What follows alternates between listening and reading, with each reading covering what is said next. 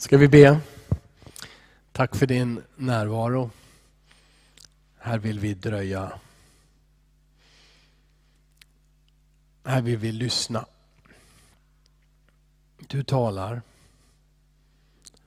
Du ger kärlek. Du låter din ande verka. Välkommen nu Herre. I Jesu namn. Amen. God förmiddag. Jag står här, det ser inte ni men jag har fått, eh, det är tejp, det är tejp på golvet. Och det är för bordet säger de till mig nu, vad fint. Jag, jag blev så rädd att det var någon som ville stänga in mig på en liten plats. Vet du hur bra det här passar? Om du slår upp salmen 118, så, eh, den kommer också på skärmen här, tre stycken verser. Du ska se, det här passar väldigt, väldigt bra. Först, vers 24. Detta är dagen som Herren har gjort. Låt oss jubla och glädjas idag. Det är min hälsning till dig. Tack Anders. Eh, och så står det så här, och det här handlar om den här lilla tejpade platsen här nu. I min nöd ropade jag till Herren och Herren svarade mig och gav mig rymlig plats. Halleluja! Yes.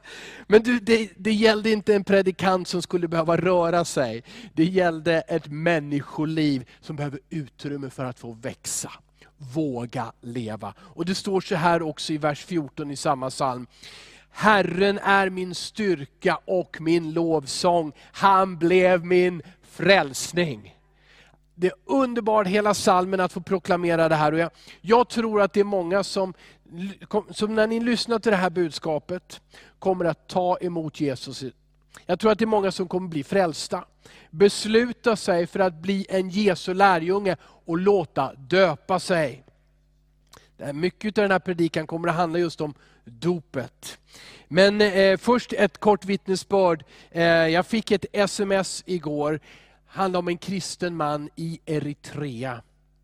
Och då vill jag ge lite bakgrund, för sms är jättekort. Men bakgrunden är så här att det finns uppskattningsvis 500 kristna som är fängslade i Eritrea enbart på grund av att de tror. Utan rättegång, har blivit fängslade för fem år sedan, tio år sedan, 15 år sedan. En del har varit förkunnare, predikanter, andra har bara gått på ett kristet möte. Blivit arresterade, inte blivit tagna till rättegång, utan inspärrade. Och många utav dem i ett land som inte har mycket resurser och absolut inte satsar på fängelsevården, många utav dem är inspärrade i containrar container som ni brukar se på järnvägsspår, eh, på järnvägar eller på, på skepp. I stekhet sol under många år. Andra har berättat för mig, för vi har flera stycken här i församlingen, som har varit fängslade. Det, det, var då inte containrar utan i djupa gropar omgivna av beväpnade soldater. Så levde de hela sitt liv i en mot himlen öppen djup grop under många, inte hela sitt liv, under många år. Men nu fick jag ett sms igår från Nigist. Hon är gift med Simon. Hon arbetar på Samklang, eh, förskolan här i huset Astrarna. Hon är medlem i församlingen. Och det stod så här, hej Carl Wilhelm. Jag hoppas att allt är bra med familjen. Gud gjorde ett stort mirakel. Min brorson kom idag ut ur fängelset efter tre år och sex månader. Han har varit i fängelse i Eritrea på grund av att han följde Jesus. Men Gud hörde bön. Gud välsigne er, Nigist och Simon. Tre år och sex månader.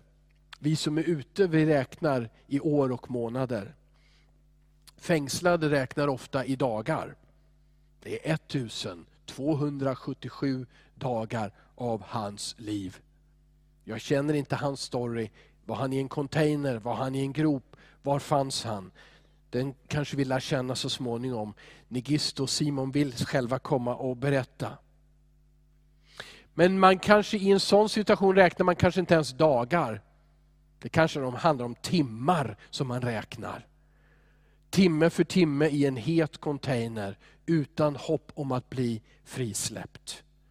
30 648 timmar av hans liv instängd. Varför då?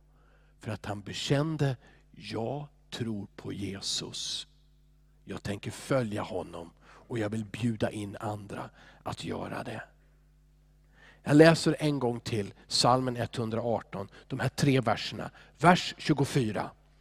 Detta är dagen som Herren har gjort. Låt oss jubla och glädjas idag.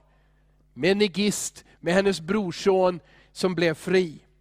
I min nöd, står det i vers 5, i min nöd ropade jag till Herren och Herren svarade mig och gav mig rymlig plats. I perspektivet av att ha varit inspärrad. Vers 14. Herren är min styrka och min lovsång. Han blev min frälsning. Det finns så många vittnesbörd från människor som har blivit fängslade men inte slutat att sjunga lovsång. Det finns så många utav oss som oavsett vad vi tycker binder oss, frustrerar oss, hindrar oss, dag för dag, timme för timme kan säga, jag ska prisa Herren. Jag ska glädja mig för han hör bön. Alla som åkallar Herrens namn ska bli frälsta, förkunnar Guds ord. Du får bönesvar. Du, vill du berätta, jag, jag tror att Nigisto och Simon kommer att komma och berätta själva. Vill du också berätta ett vittnesbörd, tacka Gud på något sätt. Eh, så kom, hör av dig. Kom hit och berätta. En onsdag kväll, en söndag förmiddag. Eller vi kan spela in på ett annat sätt, eller du spelar in hemma. Och vill du ha hjälp att förbereda dig för hur man säger någonting offentligt, eller talar inför en kamera, så kontakta oss. Vi vill så gärna att andra ska få höra vad Gud har gjort. För Gud är god. Amen. Nu tänker jag slå upp Markus evangeliet. Eh, börjar i första kapitlet. Där började jag för några år sedan när jag började predika eh, en serie ur Markus evangeliet. Och nu tänker jag inte hålla mig till ett speciellt eh, ställe utan mera till temat just om dopet. Men Markus evangeliet beskriver Jesus som den tjänande kungen, inte den förtryckande kungen, inte kungen som söker sin egen härlighet, utan som kom för vårt bästa. Jesus kom i gestalt av en människa. Jesus föddes i Nasaret, en liten snarare fattig stad vid utkanten av allting. Eh, och där växte han upp, hans far var timmerman, hans mor var en enkel kvinna. Där växte han upp. Men Markus evangeliet när det inleds, så, så inleds just med en kallelse till Kom till Gud, vänd om ifrån ett annat liv och kom till Gud och bana väg för vem då? Jo, för Herren, för Jesus, han som är den kung som frälser alla människor. Och Det här är Johannes döparen, med det här tilltalsnamnet döparen, för att han kallade till omvändelse och, dop. Och det står i Markus 1, 4-5, att han trädde fram i öknen och förkunnade omvändelsens dop till syndernas förlåtelse. Hela Judeens land och Jerusalems alla invånare kom ut till honom och de bekände sina synder och de döptes av honom i floden Jordan. Han kallade dem till att omvända sig, till att tro och till att låta döpa sig. Men sen så fortsätter Johannes och säger i vers 7, efter mig kommer den som är starkare än jag, och jag är inte ens värdig att böja mig och lossa remmarna på hans sandaler. Vers 8, jag har döpt er med vatten, men han ska döpa er i den helige Ande. Johannes säger kom och låt döpa er, det är viktigt, det sker i vatten. Det är, det är som ett bad, man doppas i vatten, det är ingenting annat. Men ändå så viktigt att uttrycka, jag kommer tillbaka till Gud. Jag, de bekände sina synder för att ta emot förlåtelse. Men då säger också Johannes, sen kommer en och han, även om han ser ut som han är enkel, Även om det verkar som han har den enklaste av bakgrunder, så är han starkare än jag. För han ska döpa er i den heliga Ande. Jag ska tala mer om den heliga Ande i en annan predikan. Det är ett annat dop, detta Andens dop. Men idag så handlar det om dopet i vattnet, beslutet att följa Jesus, ta emot honom. Och vi ser hur Jesus kom till honom och lät själv döpa sig. Vers 9. Vid den tiden kom Jesus från Nasaret i Galileen och blev döpt av Johannes i Jordan. Genast, när han steg upp ur vattnet, såg han himlen dela sig och anden komma ner över, över honom som en duva. Och en röst kom från himlen, du är min älskade son, i dig har jag min glädje. Jesus inleder sin offentliga tjänst med att bli döpt. Och då vet vi att det handlar inte om att Jesus behövde omvända sig, behövde bekänna några synder. Han gjorde inte det. I de andra evangelierna så, så står det att Johannes säger, du kommer till mig, men det är ju jag som borde bli döpt av dig. Det vill säga Johannes vet att Jesus är utan synd, han har inga synder att rabbla upp, att bekänna. Han behöver inte omvända sig från en, ett, ett liv som var i en fel riktning. Då förstår vi att det Jesu dop, när Jesus döper sig, så är det ändå också någonting annorlunda. Men det visar också oss en annan aspekt än bara omvändelsen och syndabekännelsen. Jesus säger så här i Matteus 3 och 5, 15, att vi måste göra allt som hör rättfärdigheten till. Vi måste göra allt. Och med allt så inkluderar Jesus alltså också dopet för sig. Han är inte vid sidan om, går en annan väg, utan han visar oss den väg vi ska gå. Jesus låter själv döpa sig. Och Man kanske kan säga så här att den som vill göra Guds vilja, går till dopet. Om det är i Jordan, i Pingstkyrkan, eller vid Vilstabaden eller någon sjö. Men man går till dopet och man låter döpa sig i tro på Jesus. Och efter dopet så kom den heliga Ande över Jesus. Och sen så står det att den heliga Ande ledde honom ut i öknen. Guds Gud tyckte om vad som skedde och han fyllde Jesus med den heliga Ande för att Jesus skulle tjäna i Andens kraft. Ett löfte som, som ju Johannes sa, det gäller också er. Jag döper er i vatten, men Jesus han ska döpa er med den heliga Ande och kraft. Och Sen så står det till exempel i vers 15 att Jesus förkunnade, tiden inne, Guds rike är nära, omvänd er och tro på evangelium. Intressant det här, det här, ju, det här går ju ut som en befallning ur Jesu mun. Omvänd er och tro på evangelium. Det är liksom ingen försiktig fråga. Skulle du vilja fundera på att kanske tro lite mera? Jesus han, han, han säger omvänd er. Tro på evangelium. Kan man, jag måste ställa frågan, kan man, bef, kan man befalla något som ska komma ifrån hjärtat? Kan man befalla det? Nej, det, det kan man väl inte, eller hur? Kan inte befalla att någon ska känna något med hjärtat. Men jag, Jesus ville locka fram ett beslut. Jesus ville locka fram en bekännelse ur din mun. Ett beslut i dina tankar och ditt hjärta. Jag vill tro. Ett beslut som säger, jag vill följa Jesus. Han lät döpa sig, han sa att vi skulle döpa oss, alltså går jag till dopet. Jag vill följa Jesus. Det här tar in den här aspekten av lydnad. Av lydnad att göra Guds vilja. Jesus lydde sin far i allt. Och vi ser välsignelsen som kom ur, ur hans liv. Och han säger, Följ mig som jag följer Fadern. Vi ska följa honom och lyda honom. Det är klart att eh, vi har ju mycket om det här idag. Vi, eh, vi ska följa re rekommendationer säger man. Inte, inte lagar, men, men vi blir väldigt starkt uppmanade till att följa rekommendationer. Men sen så ser man att smittan sprids och folk träffas och de åker dit och de gör det och man tänker, följer de rekommendationer? Ja, det är ju som sagt, det är som jag sa, vi kan inte befalla och inte ens rekommendera ja, rekommendera kan vi, men vi kan inte befalla vad en människa ska känna i sitt hjärta och göra med sitt liv. Men ändå så säger Jesus så här, omvänd dig, tro på mig, låt döpa er. Amen. Och Jesus, eh, i den här, det blir en, en kort resa genom Markus här, där jag hittade lite grann om dopet. Jesus talar om ett, ett annat dop. Som, Jesus hade nämligen ett annat dop också framför sig. Och Det här kommer att ge betydelse till det dop som han fick av Johannes.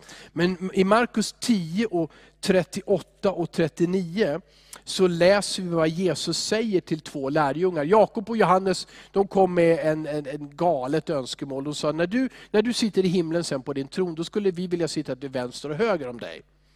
Eh, det, man får be om mycket, men det var ändå lite väl mycket. Det var omöjligt. Eh, Jesus sa till de här, vers 38, ni vet inte vad ni ber om. Kan ni dricka den bägare som jag dricker?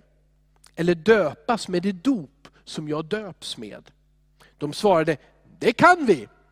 Jesus sa till dem, ni ska få dricka den bägare som jag dricker och döpas med det dop som jag döps med.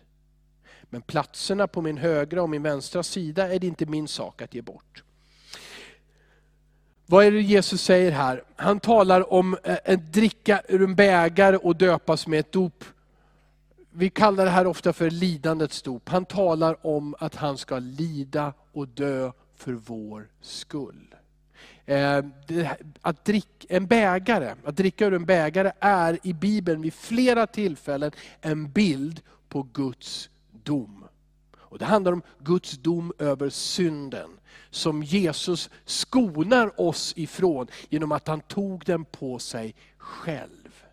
Det var, en, det var ett dop som fortfarande väntade på Jesus.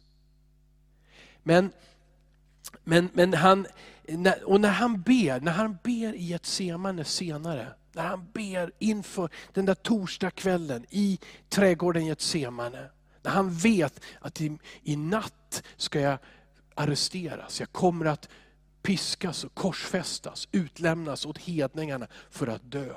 Då ber, hur är det han ber? Låt mig ta den här bägaren ifrån mig. Ta den här bägaren ifrån Jesus hade kunnat be med, samma, med, med andra ord, han kunde säga, låt mig slippa det här dopet, det här lidandets dop. Men inte min vilja, sa Jesus, utan din vilja. Och så, han sa ju där tidigare, som vi hörde till Jakob och Johannes, också ni ska få dricka ur lidandets bägare och gå igenom lidandets dop. Och Jakob var ju den första, en av de första, förlåt, men han var den första utav apostlarna som halshöggs. Johannes var den siste som överlevde när alla andra apostlar hade avrättats eller, eller gått till andra länder långt bort. Där många av dem stenades, avrättades. Johannes överlevde längst men hamnade till sist i isolering på en fängelseö på den tiden, Patmos. Det finns ett lidandets bägare, ett lidandets dop för alla som tror på Jesus. som vi kort tänker tillbaka till Nigists brorson, tre och ett halvt år för att han har bekänt Jesus, för att han har vittnat för andra om att han tror på Jesus. Tre och ett halvt år i fängelse. Men Gud hör bön. Han räddar alla som kommer till honom. Han har hjälpt Nigis brorson, han svarar på den bön som ropar Herre fräls mig. Ge mig en framtid, ge mig ett nytt hopp.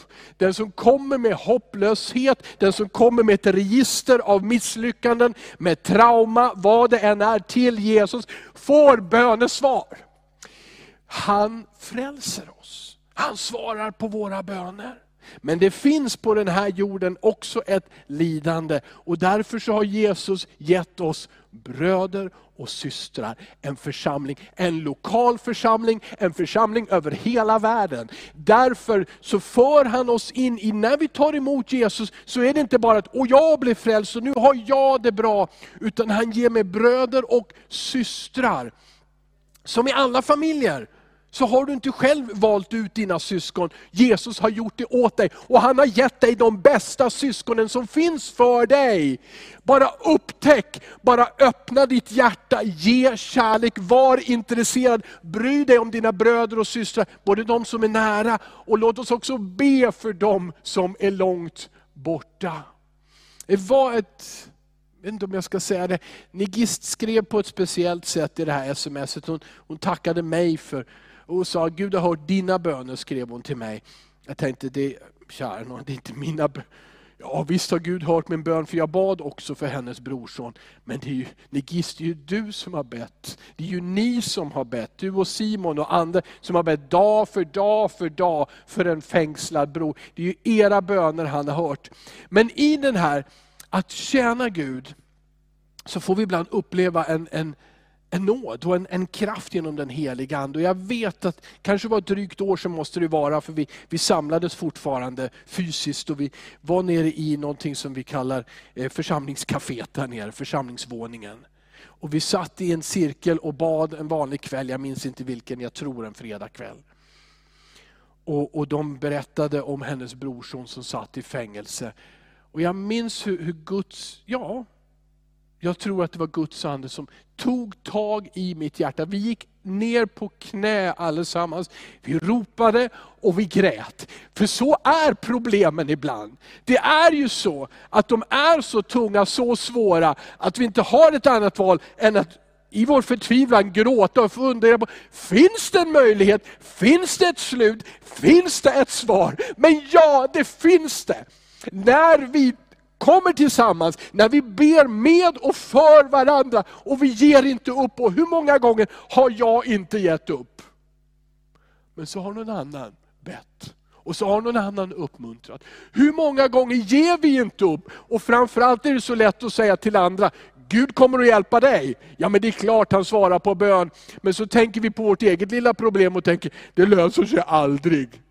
Det här är, tror jag är bara rent mänskligt och Gud har gjort dig och mig, han vet hur vi funkar. Så han ger oss en församling. Och när vi döps till Jesus så döps vi, står det, in i Jesu kropp. Vi blir en del av hans kropp, av hans familj. Vi hänger ihop. Och du och jag behöver veta att vi gör det. Vi behöver leva våra liv så, be våra böner så. Jag Ska inte ta allt för många spontana tankar. Nej, jag tar inte den. Den tar jag i en annan predikan. Men det, för att sammanfatta det här och gå vidare. Så Vi talar om att dopet har en, en det är omvändelse.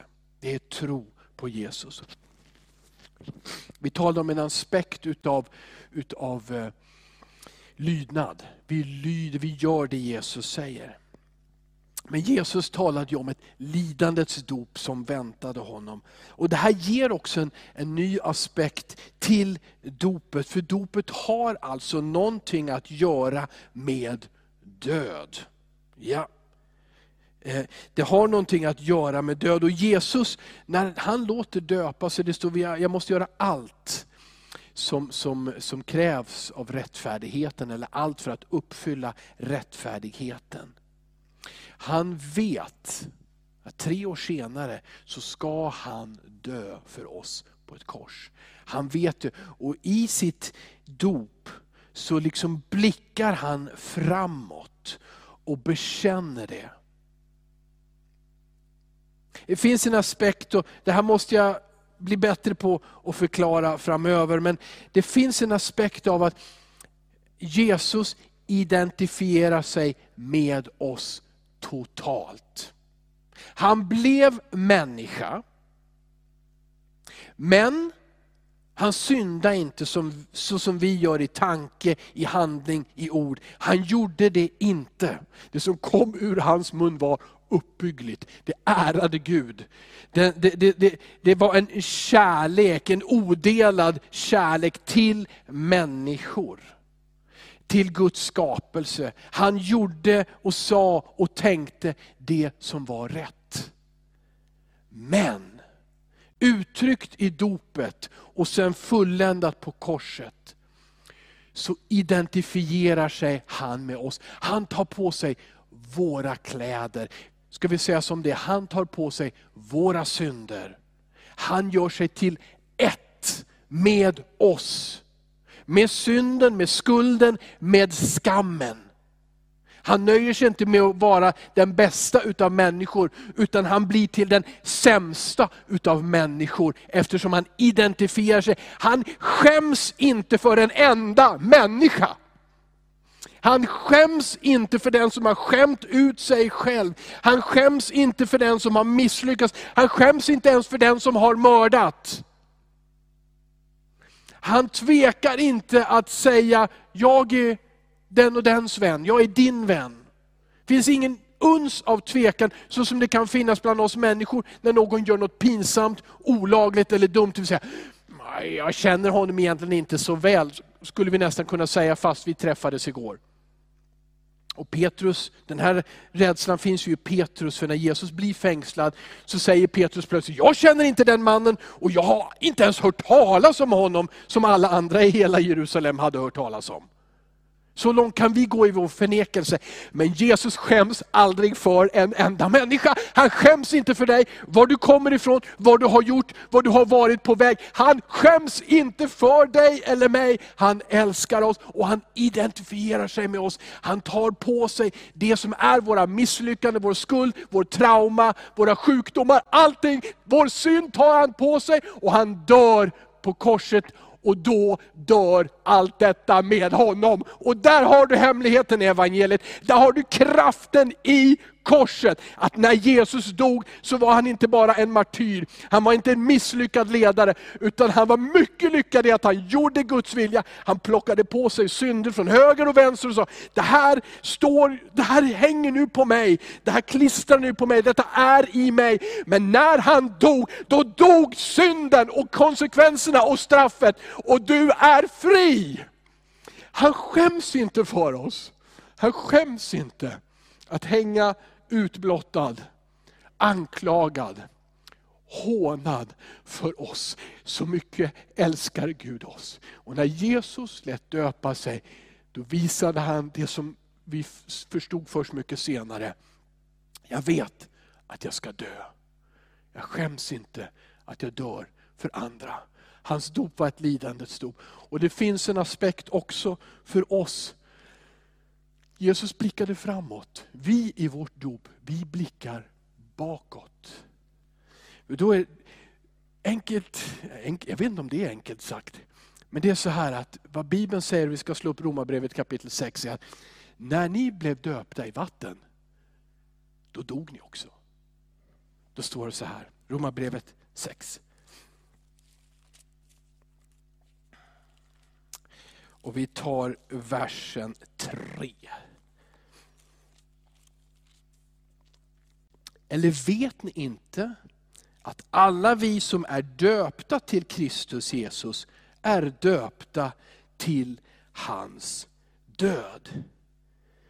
Vi blir, när vi blev döpta så, så, så dog vi då? Står det. Ja, men, ja, vänta, vänta, det står så här, vers 4. Vi är begravda med honom genom dopet till döden för att leva det nya livet. Ja precis, vi du och jag kanske blev döpta för att säga, ja men jag vill leva med Jesus. Men varför säger du att jag dog? Jo, för Först måste det gamla dö. Syndens kraft över oss måste bli bruten. Och det blir den när vi tror på Jesus. När vi bekänner Jesu namn, tar emot honom i våra hjärtan. Och sen är det dags för begravning och det sker i vattnet. Du begraver ditt gamla liv och synden och dess kraft över dig. Och du uppstår ur detta vattnet till ett nytt liv i gemenskap med Jesus, med din församling, med i frihet. Så vi, och då sker det alltså, det stod så här i vers 4, vi är begravda genom dopet till döden för att leva det nya livet. Liksom Kristus är uppväckt från de döda genom Faderns kärlighet. Här är det, i dopet är det vi som identifierar oss med Jesus, med det han har gjort och med det han ger oss. Vi, det här är en identifikation med Jesus. Jag skäms inte för Jesus. Jag skäms inte för hans budskap eller för hans liv. Jag identifierar med det. Det här är att äga det. Jag tror med mitt hjärta, men jag går till vattnet för att bli döpt. Jag uttrycker med mitt liv att nu äger jag det här. Jag vill äga det här. Det här har tagit tag i mig, det släpper mig inte och jag vill inte att det ska släppa mig. Och jag vill inte att Jesus ska släppa mig. Och jag går till dopet. Vi kan läsa även i vers 5, för om vi är förenade med honom i en död som hans, ska vi också vara del i en uppståndelse som hans. Det är så tydligt att den som inte skäms för Jesus utan tror på honom och identifierar sig med honom, får också del i livet, i härligheten, i Guds godhet, i evigheten. Han, ger sig, han gav sig själv till oss och vi identifierar oss med honom. Vi läser vers 7 och sen vers 6 efter det. Det står så här att den som är död är förklarad fri från synden. Så då vet du att när du i ditt hjärta har trott på Jesus, då har synden och syndens kraft över dig dött. Och när, då, har du, då har du gått till dopet, jag pekar alltid till höger här för vi har en, en dopgrav här, en bassäng. Eh, då har du också begravt det gamla livet. Du har begravt det som som, som hade makt över dig. Och Vi läser vers 6 vill jag ju läsa också. Vi vet att vår gamla människa har blivit korsfäst med Kristus. Först det. Det har inte bara dött. När Jesus dog på korset så bar han dig, dina synder, din skam, din trauma, din sjukdom med sig. Och det dog på korset. För att syndens kropp ska berövas sin makt, så att vi inte längre är slavar under synden. Alltså när tron och dopet befriar dig också. Det finns en, vi skulle kunna tala om befrielsens dop. För människan utan Jesus styrs av synden mycket mer än man vill eller vill erkänna. Styrs av begären mycket mer än man vågar erkänna. Men det styr oss. Men genom tron på Jesus så förlorar synden sin kraft över oss. Att dra ner oss, att dra bort oss ifrån Gud. Och återupprättar människans fria vilja. Och därför så vill Jesus begrav också det gamla. Du ska veta att du har lämnat det bakom dig. Och det här är ett befrielsens dop. Och Jag måste bara ge den bilden. För det här gör ju Bibeln hela tiden. Israels folk, hebreerna, de var slavar i Egypten. Men Gud sa till Mose, för dem ut och så ska de fira gudstjänst. Men ni kommer ihåg hur det gick, hur, hur faraos armé, hästar och, och, och, och, soldater red efter dem för att döda dem och föra dem tillbaka i slaveriet. Men när blev de fria från slaveriet på riktigt? Efter att de hade gått igenom vattnet. De, Gud öppnade det röda havet för dem och de gick igenom någonting som borde ha tagit död på dem allihopa. Men de kom ut på andra sidan. Men i detta hav, eller en större vatten säger vi, så, så dog faraos hela armé. De blev befriade från slaveriet när de gick igenom vattnet. Det finns en befrielsens aspekt i frälsningen och i dopet. Gud befriar dig och säger, du är fri att följa mig, att göra Guds vilja. Du är fri att leva.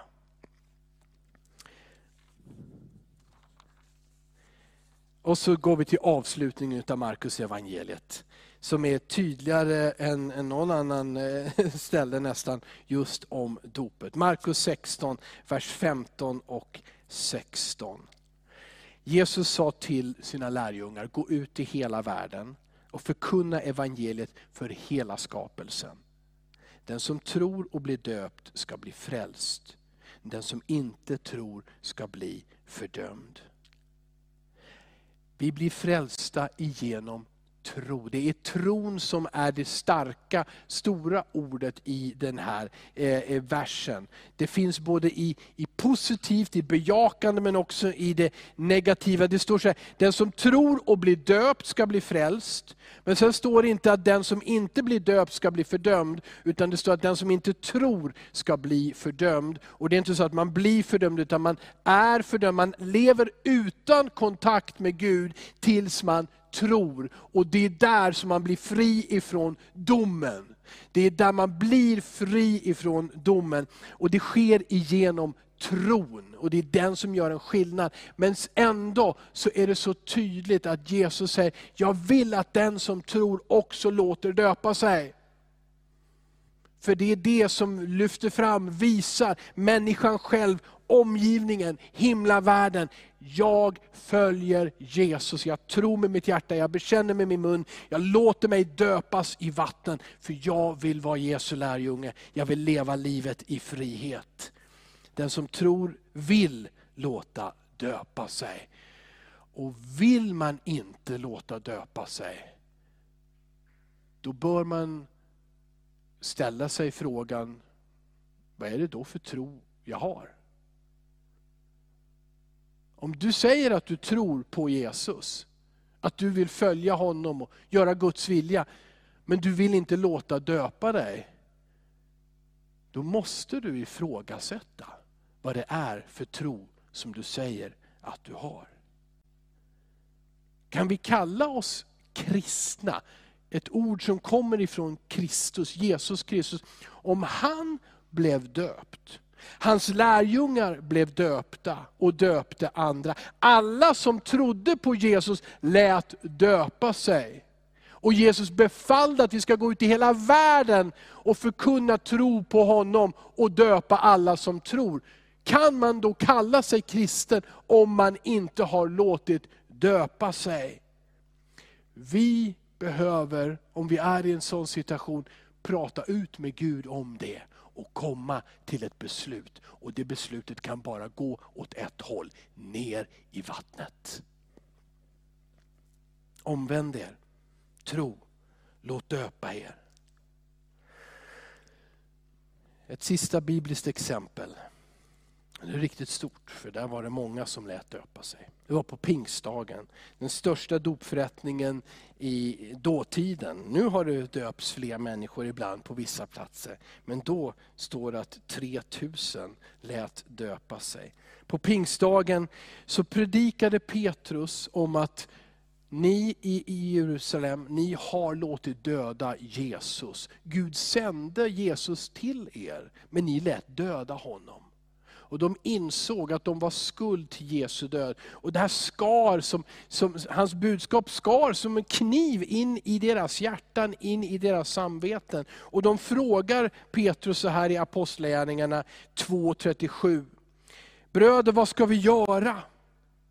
Petrus svarade dem, omvänd er och låter alla döpas i Jesu Kristi namn, så att deras synder blir förlåtna.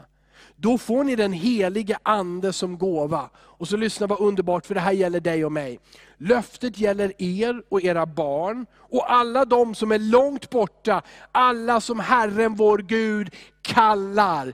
Om han kallar dig, du känner det i ditt hjärta, där växer en tro. Om han kallar dig, tro på Jesus Omvänd dig ifrån det som du har följt efter tidigare, om det var dina egna intressen, din egen trygghet. Omvänd dig och följ honom, lita på honom. Han ska ta hand om dig. Låt döpa dig. Det står med andra med många andra ord, står i vers 40, vittnade Petrus och vädjade till dem Låt er frälsas från det här bortvända släktet. De som tog emot hans ord döptes och antalet lärjungar ökade den dagen med omkring 3000. Att vända sig om bort från detta eh, eh, från detta eh, bortvända, att vända sig bort från det här. Låt er frälsas från det här bortvända släktet. Jag ger dig den här tolkningen. Vad människor omkring dig än säger och gör. Om de alla säger, det är knäppt att tro på Jesus, du ska inte tro på det här. Men om du känner Guds kallelse, sluta och bry dig om vad människor runt omkring säger dig. Om du är den första i din familj som själv väljer att gå till dopet. Om alla andra har blivit, döpt, blivit döpta som barn, men ingen tror speciellt mycket på detta. Och du råkar vara den första. Om Jesus kallar dig, gå, gå, gå. Kom till honom, kom till honom i tro med ditt hjärta. Men låt också hela din kropp sänkas ner i vattnet i dopet. Den som tror har upplevt en inre verklighet och den ger vi uttryck till med ett yttre tecken. Men tro inte att det är lite badande i vattnet i kyrkan som löser dina problem.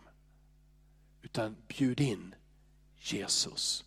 Bjud in Jesus och ge honom dina problem, din framtid, allting. Bekänn din synd. Nämn det vid namn. Sluta förneka, sluta förhala, sluta förskjuta. Bestäm dig idag att ta emot Jesus och satsa på livet med honom. Gör det nu. Gör det i den här stunden. Och du ska vara frälst. Sen kom och döp dig. Om du bor någon helt annanstans, vänd dig till en kyrka i din närhet. Bli döpt i vatten. Tycker du om att de ska slå ett hål i isen fast nu smälter den som tur var. Gå och döp bli döpt i en sjö. Men bli döpt, bekänn din tro på Jesus och låt döpa dig. Anmäl dig om du finns här i närheten. Vi kommer att ha onlineundervisning med starten 2 mars. Mer om dopet, om församlingen, om den heliga Ande och dopet i den heliga Ande. Om frågor som du har, om möjlighet att få formulera din tro i ett samtal online från och med den 2 mars och några tisdagar under mars månad. Du som säger, jag vill bli döpt, hör av dig. Skriv det till bönemobilen, skriv det till vår mejladress info Hör av dig till oss pastorer eller församlingen och säg, jag har börjat tro på Jesus och jag vill bli döpt. Jag vill bli Jesu lärjunge och följa honom för resten av mitt liv. Jag vet att han älskar mig och jag tar emot hans nåd. Ska vi be tillsammans? Jag vill uppmuntra dig att vända dig till Jesus i din bön, om det är första gången eller om du har gjort det förr, men med ärligt och uppriktigt hjärta. Fader i himlen, tack för att du älskar oss. Tack för att du älskar mig. Tack för att du sände din son till att dö på ett kors. Tack för att du inte tvekade, aldrig skämdes för oss. Utan du Jesus gav ditt liv för oss. Därför ger vi dig det som vi är. Allting Herre, vi ger det till dig.